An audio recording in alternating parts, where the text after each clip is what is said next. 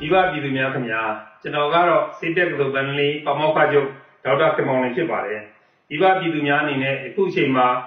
စိတ်နှလုံးညှိုးငယ်နေကြမှာမလွဲဖြစ်ပေမဲ့ကိုကြီးကျမ်းမာခြင်းစိတ်ချမ်းသာခြင်းနဲ့ပြည့်စုံပါစေလို့ဥစွာပထမဆုတောင်းမြတ်တာပို့သရပါတယ် ကျွန်တော်တို့နိုင်ငံဟာလူလူစုရဲ့အာဏာရင်မှုပြီးတော့မရွေးဆန်မှုတွေကြောင့်အာဏာသိမ်းယူပြီးပြပေါင်း130အကြာမှာမတရားဖန်ဆီးခံရသူပေါင်း4000ကျော်နဲ့ကလေးသူငယ်များပါဝင်အကြမ်းဖက်တပ်ဖြတ်ခံရသူပေါင်း160ကျော်အထိရှိလာပြီဖြစ်ပါတယ်။နေ့စဉ်နဲ့ညပြည်သူတွေကလည်းစင်းရဲခက်ခဲကြမ်းတမ်းမှုတွေကိုပြီးမထားနိုင်မနဲ့အာဏာရှင်တွေကိုဒီလမျိုးစုံနဲ့တွန်းလှန်နေကြဆဲဖြစ်ပါတယ်။ခုဆိုရင်ကျွန်တော်တို့ဟာ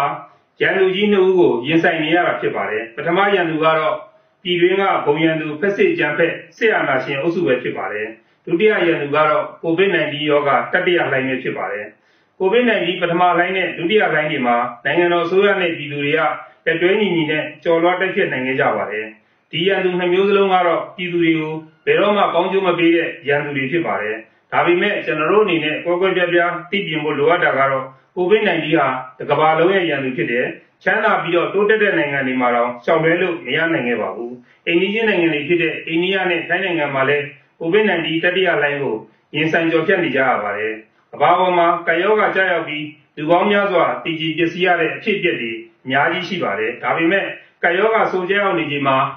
စစ်တပ်ရဲ့မတရားအာဏာသိမ်းမှုကိုကြုံရတဲ့တိုင်းပြည်ဟာကျွန်တော်တို့မြန်မာနိုင်ငံနဲ့မာလီနိုင်ငံနှစ်နိုင်ငံပဲရှိပါတယ်။ကယောဂကြောင့်လူအသက်တွေအများကြီးဆုံးရှုံးရပါတယ်။ဒါပေမဲ့လည်းအာဏာသိမ်းစစ်တပ်ရဲ့တိုင်းပြည်ကိုအုပ်ချုပ်မယ်ဆိုရင်တော့လူအသက်တွေဆုံးရှုံးရတဲ့အပြင်တိုင်းပြည်နဲ့မျိုးဆက်တွေပါတည်ဆုံသွားပါလိမ့်မယ်။မတရားအာဏာသိမ်းမှုကမဖြစ်ခဲ့ဘူးဆိုရင် COVID-19 တတိယလိုင်းကိုပထမလိုင်းနဲ့ဒုတိယလိုင်းတုန်းကလိုပဲအစိုးရနဲ့ပြည်သူလက်တွဲပြီးတော့ပူးပေါင်းကြော်ဖြတ်ဖို့မခက်ခဲပါဘူး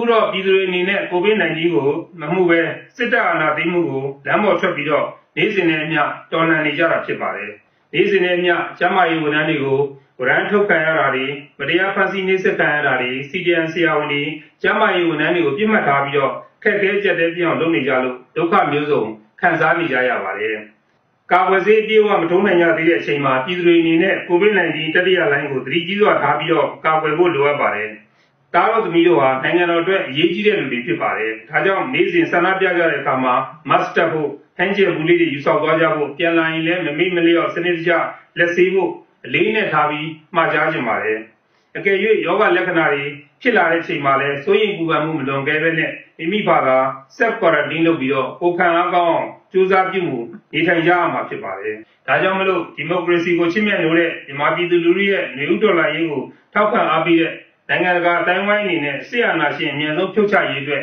အထီးရောက်ဆုံးဒီလဲအနေနဲ့အကူအညီပေးကြဖို့မြစ်တာရက်ခံလိုပါတယ်။ကျွန်တော်အနေနဲ့လည်းပြည်သူတွေနဲ့အတူအသက်ကိုရင်းပြီးတော့ဘုံရန်သူဖြစ်တဲ့ဆရာနာရှင်ကိုရော COVID-19 ရောဂါကပ်ဆိုးကြီးကိုပါဆက်လက်တွန်းလှန်သွားပါမယ်လို့ထပ်လောင်းဂရုပြုပြောကြားလိုပါတယ်။ပြည်သူတွေ COVID-19 ရောဂါကပ်ဆိုးမှကင်းဝေးကြပါစေ။ဆရာနာရှင်အများဆုံးကြဆုံးပါစေ။ရေးတော်ပုံအောင်ရမည်။